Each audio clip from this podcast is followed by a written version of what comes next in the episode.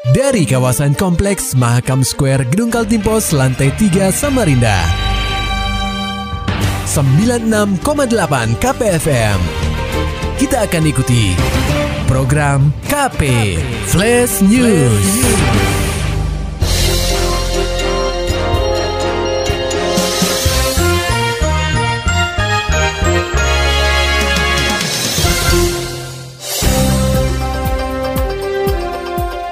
Anda sedang menyimak program KP Flash News bersama saya Agung Pratama. Kunjungi Pasar Merdeka, Jokowi soroti harga beras yang belum turun. Laporan selengkapnya akan disampaikan reporter KPFM Samarinda, Muhammad Nur Fajar.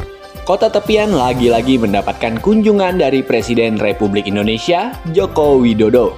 Kali ini, Presiden yang akrab disapa Jokowi itu menyambangi Pasar Merdeka yang berlokasi di Jalan Merdeka, Kelurahan Sungai Pinang Dalam, Kecamatan Sungai Pinang pada Kamis 21 September 2023 dengan mengenakan kemeja putih dan celana bahan berwarna hitam. Orang nomor satu di Nusantara itu berkesempatan melihat harga bahan pokok di kota tepian. Kedatangan Jokowi langsung disambut para pedagang dan juga pengunjung pasar yang sejak pagi sudah tidak sabar bertemu dengan mantan gubernur DKI Jakarta tersebut. Di sela-sela tinjauannya, Jokowi terlihat membagikan kaos, paket sembako dan juga amplop kepada beberapa pedagang. Diwawancarai usai kegiatan, ex-wali kota Solo itu mengaku kagum dengan kondisi pasar merdeka yang tidak tampak seperti pasar tradisional pada umumnya. Jokowi juga mengaku senang ketika mendengar harga beberapa komoditas bahan pokok di kota tepian seperti cabai, bawang putih, dan bawang merah masih dalam kondisi stabil dan bahkan cenderung menurun. Namun dirinya masih melihat harga beras yang masih berada di atas normal. Jokowi menjelaskan, belum turunnya harga beras ditengarai akibat pasokan dari petani dan penggilingan yang masih kurang akibat fenomena El Nino yang melanda tujuh provinsi di Indonesia. Dan saya melihat saya senang harga-harga juga terkendali baik, bahkan uh, cabai harganya juga turun, kemudian bawang putih harganya juga turun, bawang merah harganya juga turun, yang masih belum turun beras. Tapi tadi saya lihat beras bulog sudah mulai masuk. Kita harapkan dengan operasi pasar yang dilakukan bulog, harga juga akan bisa turun beras. Nah kan beras ini kan jadi jadi isu nasional karena El Nino Pak. Jadi beberapa daerah. Ya, nah, problemnya memang karena pasokan dari petani, pasokan dari penggilingan itu kurang karena ada super El Nino di tujuh.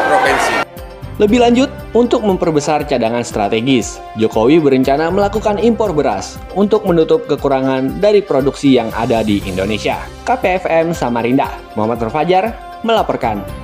Pendengar KP, Wali Kota Samarinda Andi Harun tampak senantiasa mendampingi Presiden Republik Indonesia Joko Widodo ketika berkunjung ke Pasar Merdeka pada Kamis 21 September 2023. Sesekali orang nomor satu di kota tepian itu terlihat berbincang dengan Presiden Jokowi di sela-sela kunjungannya. Ketika ditemui awak media, Andi Harun menyampaikan bahwa dirinya sempat berbincang secara singkat terkait pembangunan di kota tepian sebagai daerah penyangga Ibu Kota Nusantara atau IKN. Secara singkat, Jokowi merespon bahwa semua usulan dari daerah telah mendapat perhatian. Andi Harun mengatakan dalam perencanaannya, IKN akan mengusup konsep Three City Connecting, di mana IKN, Balikpapan, dan Samarinda akan saling terhubung satu sama lain. Namun konsep itu baru akan digarap pada tahap kedua, yakni setelah pembangunan Istana Presiden dan kantor-kantor pemerintahan telah selesai. Oh enggak, yang saya sempat eh, sampaikan sedikit karena waktunya sangat pendek soal bagaimana ibu kota penyangga dibangun secara paralel bersamaan dengan pembangunan IKN. Itu aja.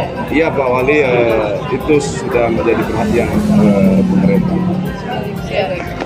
Dan, uh, memang dalam dalam perencanaan itu ada konsep uh, three cities connecting. Jadi uh, IKN Balikpapan dan Samarinda itu sudah direncanakan oleh perencanaan IKN tahap kedua setelah istana terbangun dan kantor-kantor yang lain langsung masuk pada pengembangan tiga kota uh, terkoneksi IKN, Balikpapan dan uh, Samarinda.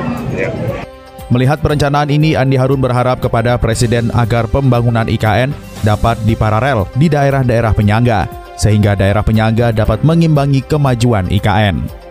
Beralih ke dunia olahraga pendengar KP, Optimis olahraga Kaltim berjaya di Pulau Luar Jawa. Laporan selengkapnya akan diturunkan oleh reporter KPFM Samarinda Maulani Alamin. Provinsi Kalimantan Timur menduduki posisi keempat pada perolehan medali babak kualifikasi Pekan Olahraga Nasional atau Prapon. Per 12 September, Kaltim telah mengoleksi 125 medali. Rinciannya, 45 medali emas, 38 perak, dan 42 perunggu.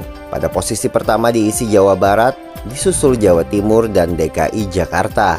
Tentu hal ini membuat Kaltim jadi daerah terkuat di luar Pulau Jawa. Atas prestasi tersebut, Benua Eta mendapat apresiasi dari Wakil Ketua KONIK Pusat bidang organisasi Sudarmo. Sudarmo mengatakan, atlet Kaltim juga berkontribusi di ajang internasional saat membela tim Merah Putih. Kami ucapkan selamat, sekali lagi ucapkan selamat dan penghargaan yang tinggi kepada atlet-atlet kita dari Kaltim yang pada SEA Games 2023 di Kamboja telah menyumbangkan emas medali emas 8 medali emas 4 medali perak Menimpali pernyataan Sudarmo, Gubernur Kaltim Isran Nur menyebutkan Sejak menjadi tuan rumah PON ke-17 tahun 2008 lalu, prestasi Kaltim terus berjaya. Menurutnya, Kaltim memang disegani dari daerah di luar Pulau Jawa. Kita bangga Kalimantan Timur terus menoreh prestasi sejak Kalimantan Timur menjadi tuan rumah PON tahun 2008. Ranking Kalimantan Timur kalau untuk di Pulau Jawa kita kalah tapi di luar Pulau Jawa, Kalimantan Timur, orang ada yang bisa kasih. Kendati kalah peringkat dari Bali pada PON ke-20 tahun 2021 Papua lalu, Isran optimis pada 2024 mendatang, Kaltim dapat kembali meraih kejayaan.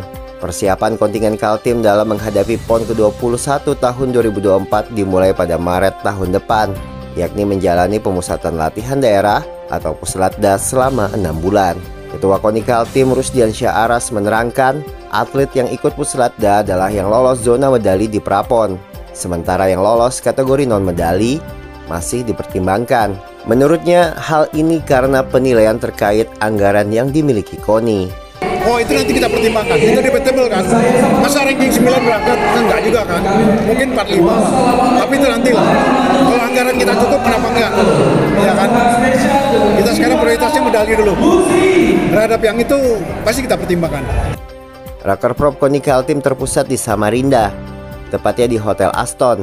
Dalam acara tersebut juga dirangkai dengan penyematan pin emas kepada 12 tokoh olahraga yang membuat harum nama benua etam.